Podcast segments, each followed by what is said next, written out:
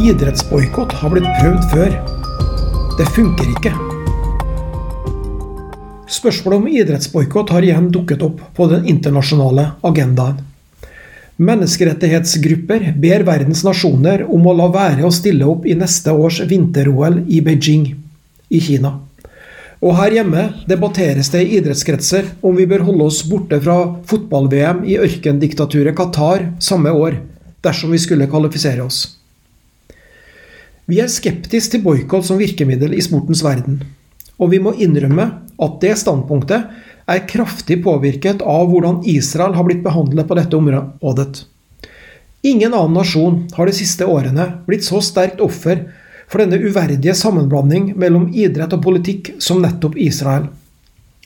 Har du f.eks. tenkt over hvorfor Israel alltid deltar i den europeiske gruppen i kvalifiseringen til internasjonale fotballturneringer?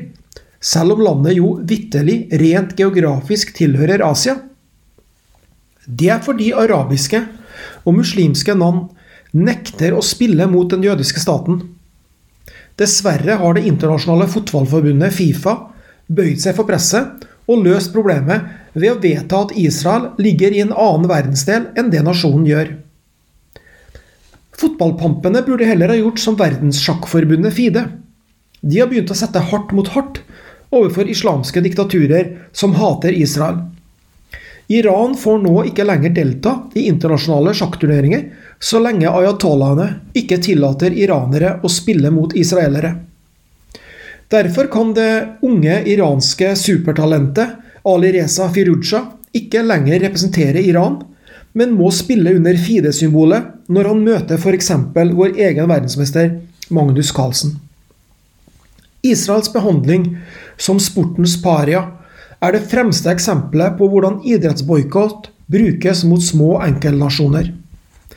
Men samme fremgangsmåte er også benyttet i storpolitikken, og mot noen av verdens største idrettsnasjoner. I 1980 skulle sommer-OL arrangeres i Moskva, i daværende Sovjetunion. Det kommunistiske regimet hadde året før invadert Afghanistan til store protester fra Vesten. USA bestemte seg for å nekte amerikanske idrettsutøvere fra å delta i Moskva-lekene. Presset var stort på USAs allierte om å gjøre det samme.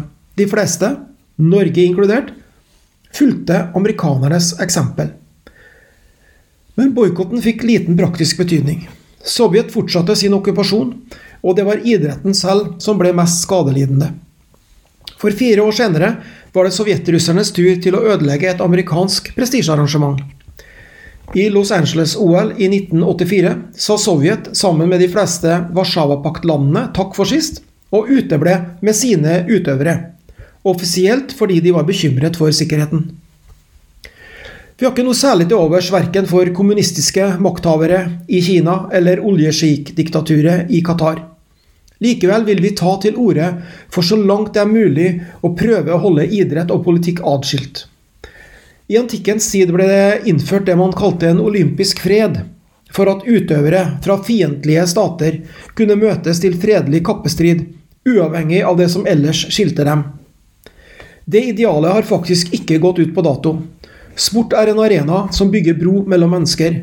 Slik bør det fortsatt være.